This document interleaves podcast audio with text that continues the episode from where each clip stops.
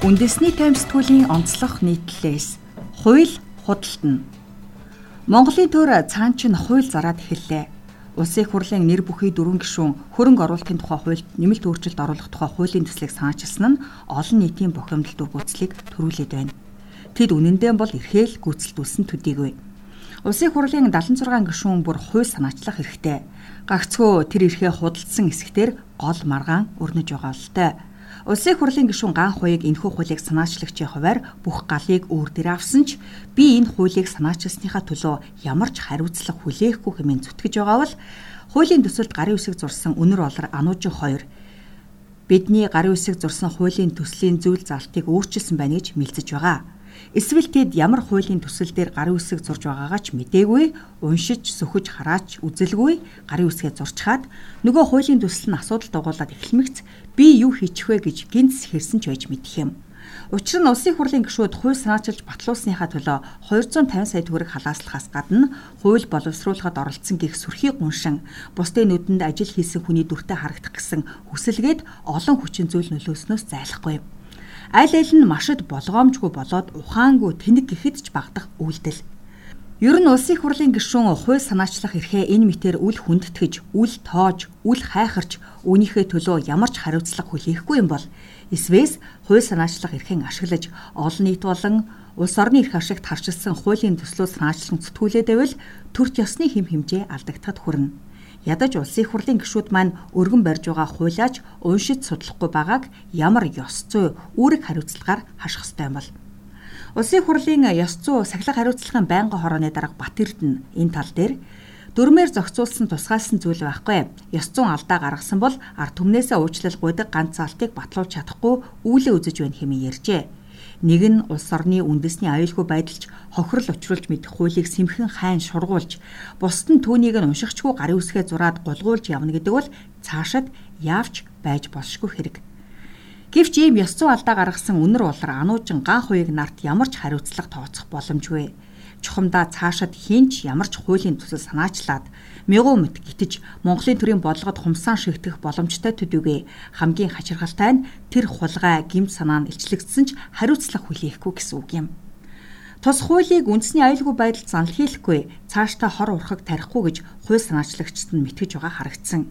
Тиймд тэд мэдэхгүй санамсаргүйдэн биш мэдсээр байж хуулийн төслийг батлуулахаар зүтгүүлсэн болж таарч байна. Хэрвээ улсын хурлын гишүүн худалдагдсан бол яах вэ? Эндээс улбалаад Монголын төрийг худалдан авах боломжтой юу гэх анхаарлын тэмдэг шиг том асуулт босч ирж байна. Өрнөд удаагүй тул хөрөнгө оруулалтын тухай хуульд шургуулах гэсэн заалтын тухайд жишээ татъя. Гол өөрчлөлтөөр санаалгасан заалт нь гадаадын иргэн 50 мянган долларын хөрөнгө оруулалтыг Монгол улсад оруулж ирсэн тохиолдолд байнга оршин суух визийг гэр бүлийн гишүүдийн хамт авах хэрэгтэй болох тухай заалтай байв тус заалтыг өмгөөлөгч булган туяа ган хуйг дорж ханднаар юун цагаач дорж ирэх юм яриад байгаа юм бэ? Энэ хуулийг баталчаар хятадууд л ороод ирнэ гэж хачин юм ярьдган болцгоо. Ийм зүйл парламентээр ярих юм бол энэ улс чинь хөгжихгүй шүү гэж сүрдүүлэх омогдохын завсарт бухимдцаасан. Тэдний үзэж байгаагаар энэхүү хууль батлагдсанаар гурав дахь улс буюу хөрөнгө оруулагч нарт эерэг мессеж өгөх болох ажээ. Тэдний үзэж байгаагаар энэхүү хууль батлагдсанаар 3 дахь улс буюу хөрөнгө оруулагч нарт эерэг мессеж өгөх болох ажээ. Үүний хэрэгтээ энэ хууль гадаадын томоохон хөрөнгө оруулагчдад буюу барууных нь төдийлөн хамаарахгүй. Учир нь барууны хөрөнгө оруулагчдын дийлэнх нь ашиг томалтмал уулуурхаан салбарт л хөрөнгө оруулдаг. Тэдэнд 50 болон 100 мянган долларын ялгаа чухал бус. Нэг өсөндөө манайх шиг жижиг зах зээлд ашиг гаргах боломж бага учраас барууны ашиг сонирхол гээд байх юм үнэндээ Монголд байхгүй. Харин энэ заалт бага мөнгөөр их ашиг сонирхлыг бий болгох гэсэн хятадууд л ашигтай хамаатай заалт. Хятадаас эдийн засгийн хувьд бүрэн хараат болж байгаа Монгол улсад улам их хятад иргэдийг урт хугацааны визтэй оршин суулгаж дотоодын зах зээл дэх үндэсний үйлдвэрлэгч бизнес эрхлэгчид түргдэх боломжийг энэхүү хууль нээж өгөх байжээ. Хэдүүлээ хэрвээ гэж төсөөлөднийг үзээлтэй Хэрвээ уг заалтыг хятадууд батлуулахаар санаарсан байлаа гэж тооцъё. Санаагаа гүйцэлдүүлэхийн тулд тэд хамгийн түрүүнд улсын хурлын гишүүдээс сугалж худалдан авах ажлыг зохион байгуулж болох уу болно. Болохгүй гэх газаргүй шүү дээ. Энэ бол ердөөл төсөөлөл. Яг тэгсэн гэж бичсэнгүй. хятадууд ч гэлтгүү хэрвээ хин нэгэн хүсэх юм бол Монголын төрийг тэр дундаа улсын хурлын гишүүдийг худалдан авч болох магадлалын тухай бичиж байна. Тэд өөрсдийн ашиг сонирхолд нийцсэн хууль батлуулахыг хүсвэл заавал 76 гишүүнийг цөмийг нь худалдан аваад байх шаардлага ч үндсэндээ байхгүй. Аливаа хуулийг эзлэн батлахад нийт гишүүдийн олоох буюу 39 гишүүн л дэмжихэд хангалттай. Ийм л юм. Сануулхад Монголын улс төрчид энэ тухай өмнө нь ч ярьж мэтгэлцдэг байсан. Худалдагдах магадлал лобби давтах эрсдлээс хамаарч улсын хурлын гишүүдийн тоог 99 болгох эсвэл бүр 108 болгох тухай саналж гарч байлаа. Улсын хурлын гишүүдийн тоог нэмэгдүүлэх нь Монгол төрийн бусдын нөлөөнд автах худалдагдах магадлалыг тооны олноор цөөлөх гэсэн санаа юм. Тоо олон болохын хэрээр ганц нэг гишүүний чанарын нөлөө багаснаа гэсэн үг. Нуулгүй хэлэхэд өнөөгийн 76 гишүүн Монгол төрийн дархлаа, чанар, чадамж горыг бүх талаараа муутгаж байгааг бид харах боллоо. Нэр хүндийн хувьд ч хамгийн мухынхан оромжинд толгой хорогдож байна. Монгол улс уг нь үндсэн хуулиараа парламентын засаглалтай орон. Гэтэл парламент нь өдөр бүр л хүчийн алдаж нэр нүрэн унгаж байна. Монголын парламентын хууль батлах чуулганы эцсийн босгыг багасгаж нийт гишүүдийн 3-2-оор эрс бүрддэг байсныг цөөлсөн нь цөөхөн гишүүнтэй парламентын нийт гишүүдийн талын тал буюу 20 хүн л хууль батлах боломжийг бий болгосон. Өөрөөр хэлбэл улсын хурлын 76 гишүүнтэй хэрнээ 39 гишүүн ирснээр эрс бүрдэж 20 гишүүний саналаар хууль батлагдахад хүрч байсан.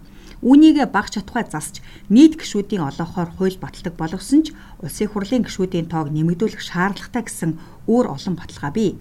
Парламентын гишүүд олон байх нь гишүүдэд мэрэгших боломжийг олгож тэр хэрээр чанартай, хэрэгтэй зөв хууль батлаж чадна.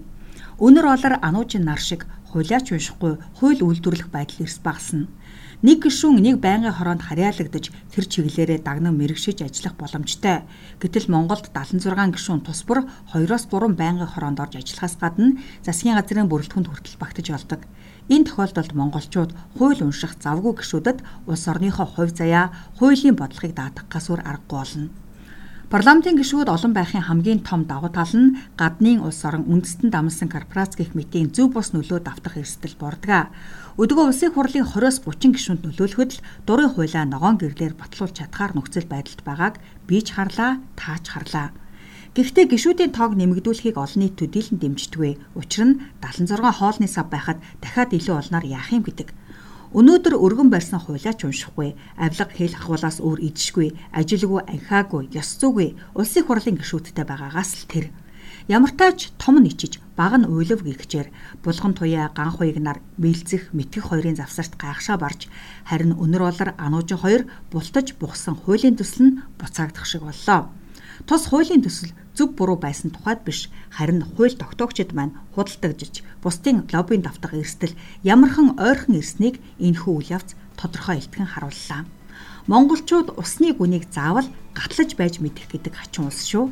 Тэгж хэнэггүйтэж яваад нэг л өдөр живчгэж мэдэх тул нэгэн сургамжаас үүдэж дараагийн үйлдэлийг бодож амжуул хичнээн тустай үлээ.